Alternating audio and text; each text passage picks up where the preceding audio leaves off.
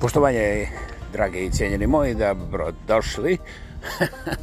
Kao što vidite, ja sam se tek probudio. Dobrodošli u 40.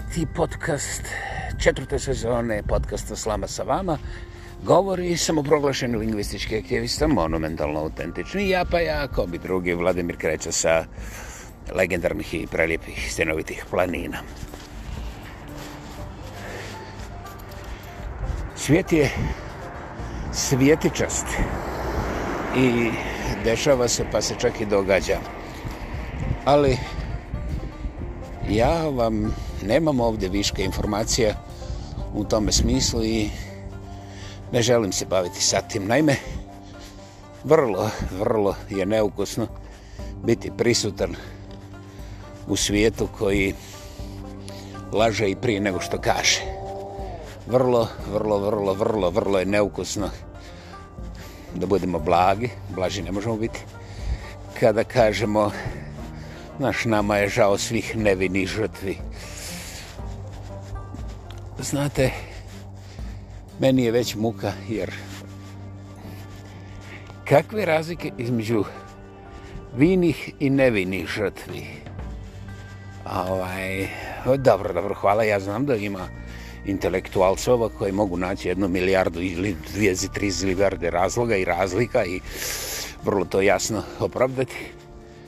Međutim, kada bih ja to sebi dopustio saslušati, ja bih se osjećao kao zadnja smrdežove planete, jer žrtve, znate, žrtve su mrtve.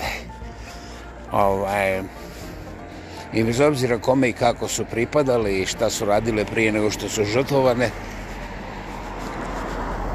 one su bile žive, ali nakon što su žrt, postale žrtve, one su, kako da kažem, recimo financijskim rješikom inaktivne, to jest zero activity. Mada i ovdje ima široko polje da se pronađe načina kako one i dalje nisu inaktivne, nego rade ovo i ono za ove za one, ali to je jedna toliko šuplja priča da ne znam, badanj na mlinu moga pokojnog džeda ne bi mogao ovaj da podnese takvu rupetinu i onda ostavljamo žrtve tu gdje jesu. Drugim riječima, mi se vrlo, vrlo glasno ponosimo, hvalimo šta je znam šta, šta sve ne već u tom pravcu, kako smo moderna, suremena, demokratska, pa onda enciklopedija i na kraju civilizacija. Znači svi ti epiteti i opisnici, jeli, se završavaju. E, mi smo civilizacija napredna, obrazovana, moderna, tehnološki superior. A naši zločini nisu čak stigli do pećine jer mi koristimo neke spravice za utamanjivanje ljudi čak i na njihovom vlastitom ručku, a ne samo prije nego što se sklone u njihove vlastite pećine. Dakle, to je jedan to je jedan nazovimo moment permanentnosti u egzistenciji ovoga cijelog vremena, ove cijele epohe gdje najbjedniji među nama, zahvaljujući svojim kadilacima i ovim širokogutnim kamerama i šminkeraju, a naravno posebno gebesovštini, ovaj, glasnosti na svakom koraku o našoj pravdi i to kuvanje činjenica sa ovog kuta, sa onog kuta zbudjivanje ljudi, Znaš, ja sam jedno vrijeme čak možda... Ok, ok, polako, demokratski, nećemo lajeti. Mislim, ja moram da zaštitim svoje služatajstvo. Molit ću lijepo. Hvala, gospodin. Au, au, au, au, au. Dakle, večeras prepoznali ste, snimamo u mome susjedstvu gdje imamo vrlo demokratskih četvronožnih učesnika koji su, kao što vidite, parlamentarni, ja ih zamolim i oni stanu. Čudo živo. Čudo živo. Ali, istovremeno, ove naše najdemokratske demokrate od svih demokrata, koji su ikada demokratizirali nekakvu demokraštinu, eh, s njima ne možeš ni plakati, jer oni su važni i sterilni. Jebeš ga sterilnost, čak ni u laboratoriji nije najbolja stvar, iz masu stvarnih, realnih razloga. Kao što, na primjer, perfektnost u životu se svodi na stvar koja nema života. Naime, perfekcija ima jedan uvjet koji nije kompatibilan sa životom, a to je perfekcija. Perfekcija znači da je sve na svome mjestu, znači u idealnoj poziciji, i onda je zaškušmuškuljeno, jeli, sve to skupa, zbog toga što doslovce ništa od nevećih, od nevećih do najmanjih mogućih zamislivih čestica i energije u ovom svemiru restoji. I onog momenta kada mi uspostavimo taj nekakav princip perfektne korelacije, onda najbliže onome što zna naša kompletna korelacija nauka i tehnika, dolazimo do kristalne strukture, znači do kristala. I sad, čak ne možeš upotrebiti ni jebeš ga, jer kristal je kristal. Znači, dibidus mrtvo. Premda, je to samo konvencija.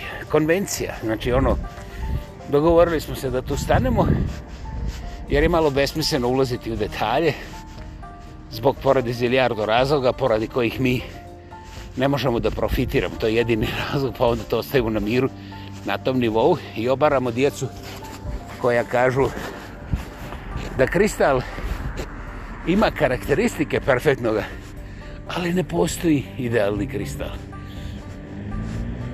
Hm. Eto, i to je ono što bi neki odgovorni i upućeni ljudi mogli nazvati istinom, Međutim, koga zanima istina, eto. To su stvari o kojima ja neću govoriti ozbiljnije, ali smatram da bi trebalo ozbiljnije da gledamo onu facu u svome ogledalu ujutru. Je, je, za ovaj koji ne znaju Čirilicu, to je ono da pogledate sami sebe u svoje vlastite oči. A ovaj svakog jutra. I da se pitate, Znate li koliko je metaka koji su plaćeni sa vašim porezkim novcem završilo u leševima djece tamo negdje daleko? Ne mislim samo na nesretnu Palestinu i da taj užas možete da birate u ovom momentu.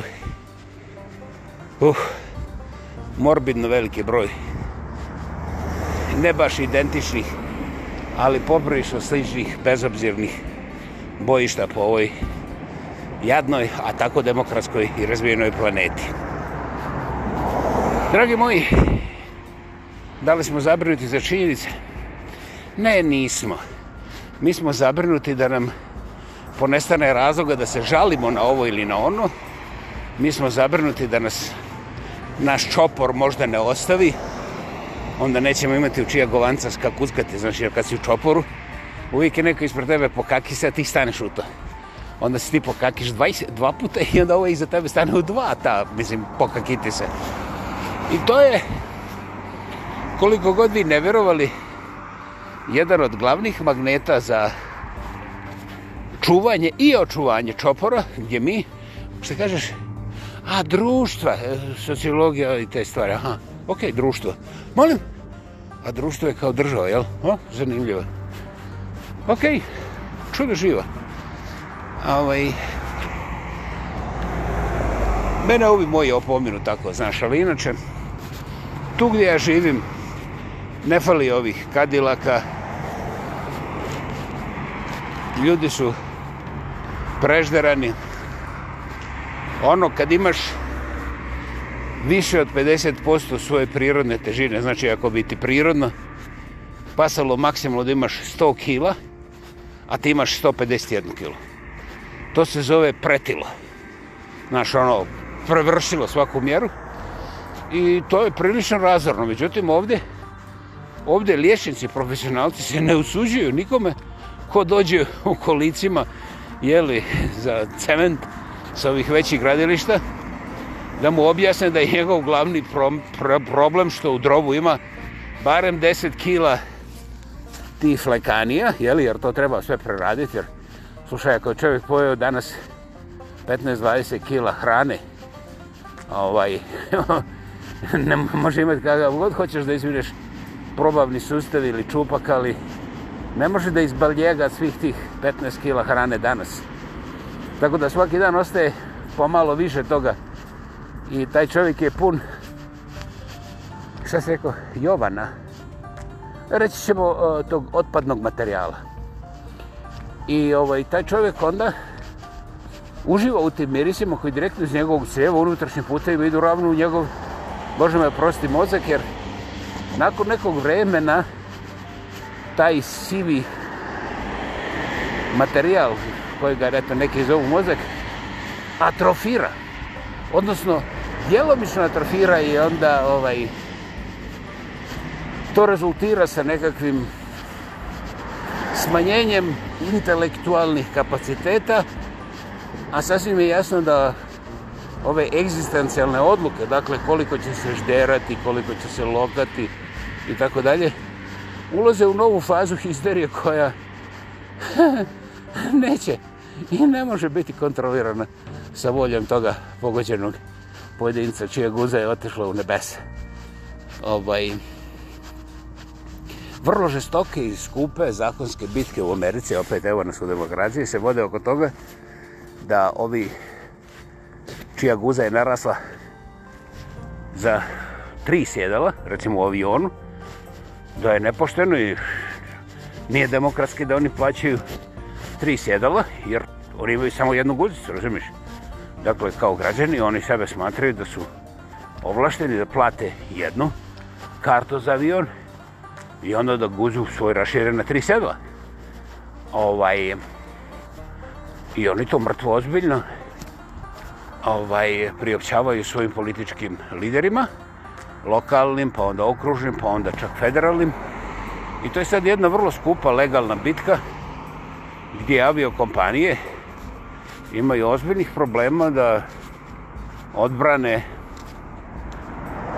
ideju da je jedna karta za jedno sjedalo i da se to sjedalo ne može mjeriti sa nekim super side guzama koje su recimo prije 50 godina bilo nezamislivo da narastu do tri broja a sada već ima nekih naznaka da će se pojaviti značajniji broj, broj ovih demokrata u ovim razvijenim zemljama čije će guze glatko, gotovo standardno biti tri broja, pa četiri, možda pet veće.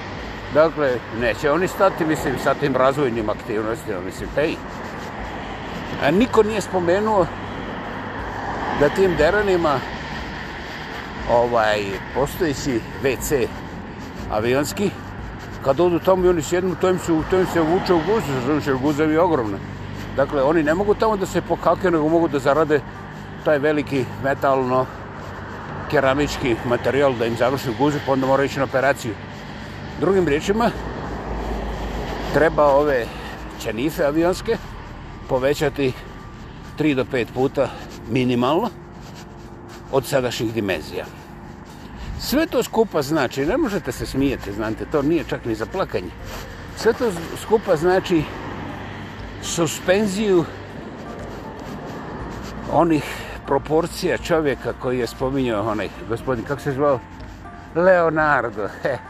A nije bio iz Vinča, nego bio Da Vinci. Ok, Da Vio Vinču. Ovaj, dakle, mi smo suspendirali takozvanu normalnost, jer znaš, ako ima hrane da se čovjek utovi i pola tone, pa tu, tu i tamo da bude čak ovaj debeli od ličkog međeda, pa onda naraste veličine slona, recimo, zašto ne, onda industrija i država koje su mu dale sve te prednosti da se tako razvali, trebaju da razvale ove avijanske čanife i da naprave pravu slonovsku, ove, mislim, tu prostoriju za odlaganje metaboličkog otpada i onda, naravno, prateće nosače Jovana za njima, jer ovaj kad se to, mislim, istrese tu, onda trebaju tankeri, znaš, da to sve skupe. Jer mislim da dođu na isti let. Dobro, ako dođu samo dvojica, hajde, preživit će se. Ali jebate, avion prima, recimo, 300 ljudi. I dođe takvih 50.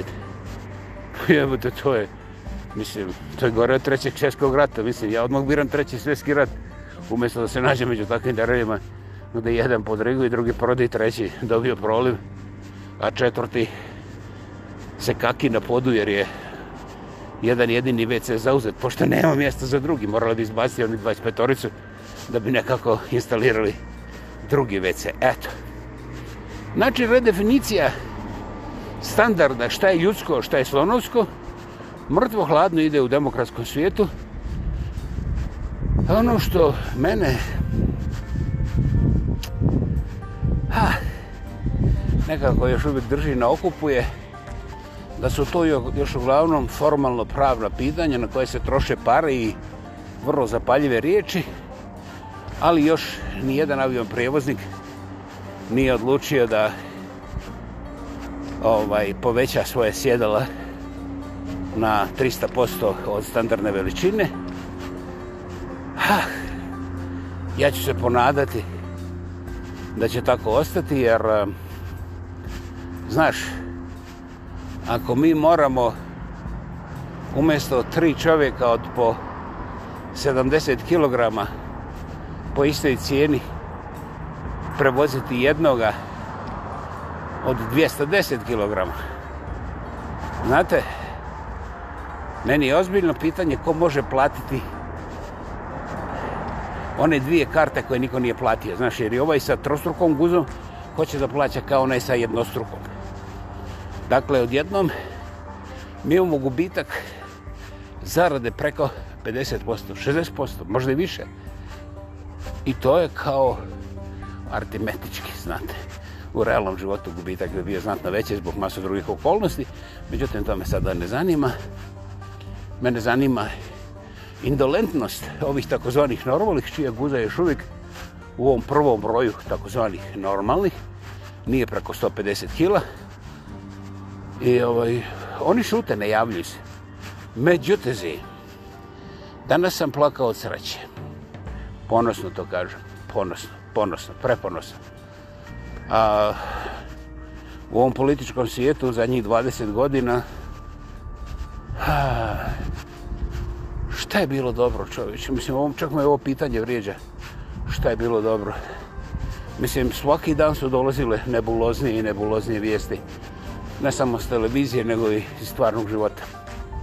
Govorimo o političkom životu ovdje u lijepoj Sjevernoj Americi, ali i okolo planete. Dakle, danas sam vidio svojim očima kada glavna gospođa, njeno ime je Hakabi, Hakabi, znači guverner Arkansasa, tamo gdje ga sam bil Clinton, nekad davno bio glavna finta, ta gospođa koja je sada šef Arkansasa, kaže, znate, vi, gospodo lijevi i ovi neokonsi i voksi, ovaj, ćete biti zaustavljeni ovdje u Arkansasu. Idite na CNN, idite u New York, idite u Washington, idite gdje hoćete.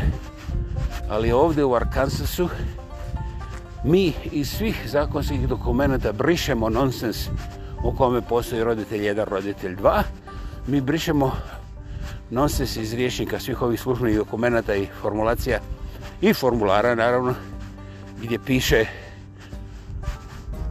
porodiljna strana, ili osoba koja se porađa i tome slično i tako dalje. Imate zamjenice i sve kaže mi to brišemo jer sve je to najprije ponižavajuće za ženu, to nema nikakve karakteristike oslobađanje i poštovanje žene i majke i jednostavno se vraćamo na ono što je bilo zadnjih 2000 godina, a to je da je žena žena, muškarac muškarac, da je tata tata, a da je mama mama i Ako neko želi kod kuće da zove mamu roditeljem 1, a oca roditeljem 2 ili vice versa, na primjer, onda to kod kuće možete učiniti. Kada izađete na ulicu, vi morate prepoznati mamu, vi morate prepoznati tatu, a mi nećemo imati 54 rodovske odrednice sa nevjerovatnim brojem formulara koji crpe novac i vrijeme iz našeg porezkog sustava,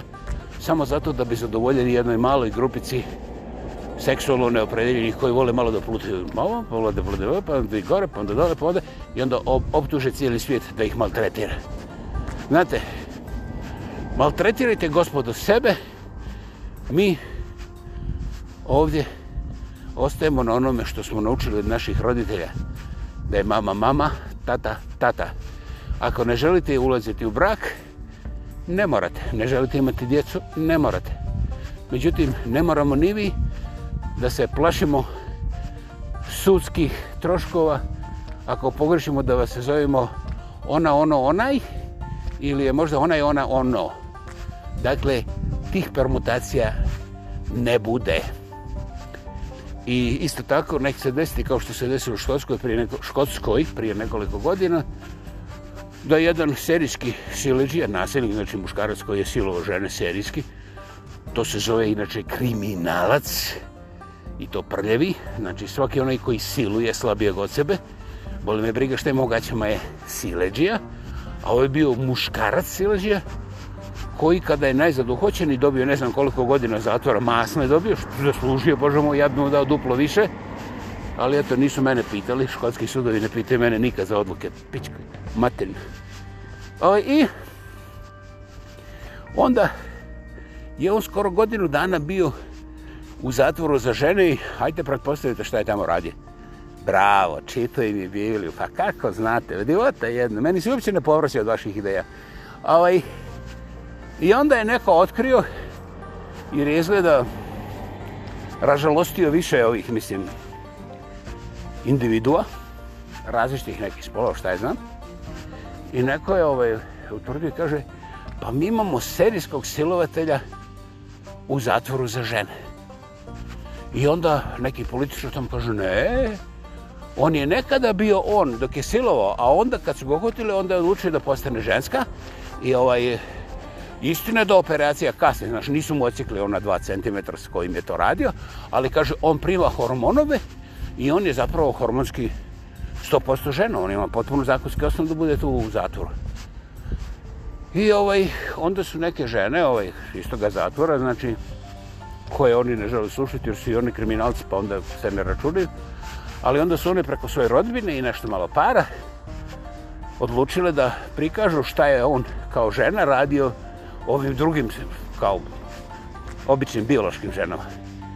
I onda su ovi brzo to ovaj, prekinuli tu diskusiju kao taj intelektualni, mislim, zahvat kao žena kao žena, muški kao muški, šta je za zatvor je za ženske, a nije za muške i šta je sad. Tako da, ovaj, e, istine i danas se prečeš kao i preko toga zakona, još uvijek nisu stvar zaključili na onome što bi bilo normalno. Međutim, zaustavili su ovoga serijskog silovatelja da više ovaj, ne bunare po zatvoru za žene i ovaj e, nisu ga odmah isključili to je ono što mene ovako zapanjuje nego su kao onda obacili neke debate pa neke zakonske procjene, ocjene, docjene pa preglede pa onda mišljenje nekih doktora pa mišljenje ovih drugih koji nisu doktori ljudi nekada davno moj džed bi rekao šuti mali ljupić kumatrina moj djed sada ne bi rekao ništa. On bi rekao, ja sam mrtav, jud jebi, nemoj da me pominješ u ovom kuple raju od takozvanog modernog svijeta. Neka ti sva modernost i demokracija budu u kući, mene ne dira, ja sam na groblju, trajno, ne vraćam se. Djedu, djedu moj dragi,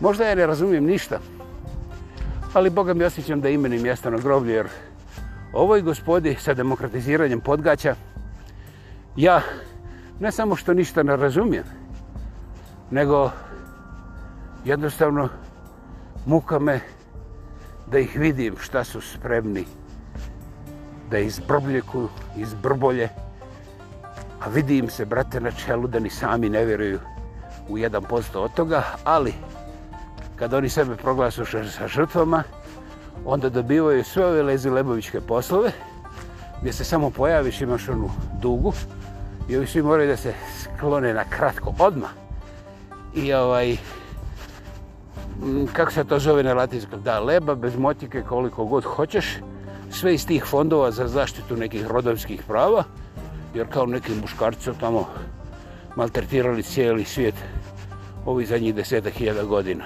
zanimljivo zanimljivo ko je napravio sve te tunele koje je iskao po milijone kubika rudače i uglja s kojim smo se do jučer grijali. Znaš, to su sve jedne žene koje su muškarci za upregli i maltretirali. I tako dalje, i tako dalje. Ni slučajno mi ne pada na pamet da majčinstvo stavim u neku matematiku, jer eh, ja svoju majku cijenim najviše na svijetu i rasprave o majci neće biti. Znate, jer to ti je otprilike isto kao kad ti hoćeš o Bogu da objasniš neke tehničke detalje. Nemam šta čuti od tebe. Ovaj, ako ti ne vjeruješ u Boga, slobodno prođi, idi dalje, ne vjeruj u svom životu. Međutim, ne diraj mene. Tako isto, ako ti ne vjeruješ u majku, hej, nemoj mi opisivati šta je sa tvojom, i bježi dalje od mene. Šta sam htio reći? Majčinstvo je između svih tih epiteta, poezije i književnosti i filmova u stvari jedan vrlo, vrlo težak posao koji je često puta sasvim nezahvalan. Međutim, ne zbog nekakvih muškaraca koji maltretiraju žene, premda, sirovih, pijenih i nasilnih muškaraca ima, ali znate, prije nego što počnemo pričati o tim silovim i nasilnim muškarcima, da li bi imali malo obraza da se sjetite o desecima, hiljada, stotina hiljada muškaraca koji su bez ikakvog pitanja dali svoj život da bi zaštitili sve majke iza sebe, čak i one koje nisu poznali. Ne samo u ratovima, nego u prirodnim katastrofama u teškim godinama kad nije bilo dovoljno hrane i tako dalje. Zašto se ne sjetite tih muškaraca? Pazite, mi govorimo sigurno o milionima, ali nećemo ići sad daleko. Nego vi se uvijek sjetite onoga pijanog sileđe koji je nogom istipelario, što ne bi niko normalan ne odobrio, nego uopće prihvatio na bilo koji način kao prihvatljivo. Na bilo koji način. Čak i da je ona imala pet ljubavnika u to vrijeme kad je gospodin došao pijen nalokan i šta je znam. Nema opravdanja za nasilje u familiji. Niti ga može biti. Bez obzira da li vi registrirate sve pedere ove planete da budu super pederi, pedera ste demokracije, da radu sa svim novcima, koje ćete otkriti od nekih normalnih ljudi, ali ne možete na temelju toga da proglasite cijeli muški rod nasilničkim, a žene su kroz stoljeća patile.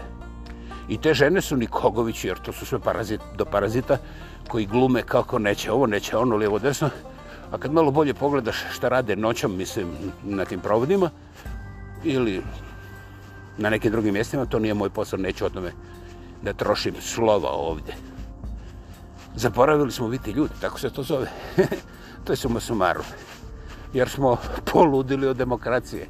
Znate, opet ima jedna sitnica, a to je da demokracije nikad nije, nije bilo. Međutim, kako bih ja to mogao objasniti nekome ko zna samo jednu filozofiju, a to je muškarci su zlo, muškarci su otro, muškarci su napast, treba ih se osloboditi i naravno u tom procesu treba čapiti svu vlast.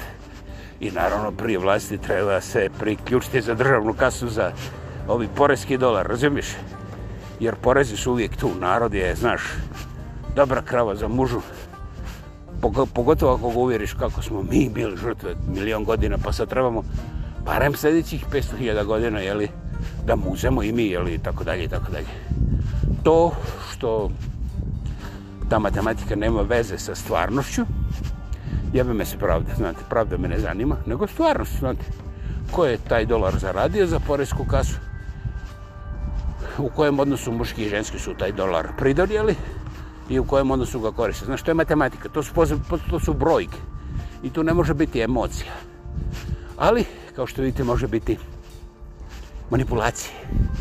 I to onako beskrvne, parazitske, preglasne i manipulatorske. Eto. Dakle, u tome takozvanom modernom svijetu danas ubijamo djecu u ime neke kao zaštite nečega i nekoga. I svijet gotovo da aplaudira, jer bilo je nekoliko protesta od 7,5 milijardi ljudi na ovoj planeti. U tim svim protestima u zadnjih mjesec dana. Ah, moja računaljka grubo govori da nije bilo više od 300 do 400 hiljada ljudi na ulicama gradova širom svijeta da protestuju kontra ubijanje djece u ime zaštite nekih političkih formacija i češ, šta znam, bla, bla, bla. Eto. Dragi moji, ja sam siguran da vam ne trebam ja reći sve ovo. Međutim, ja ovo namjerno govorim i drago mi je što imamo ovaj podcast, jer ljudi vrlo često zbog svojih dnevnih preopterećenosti, naime, ime morali su odniti cipele na popravak, pa onda na povratku s popravka morali su kupiti jogur za doručak.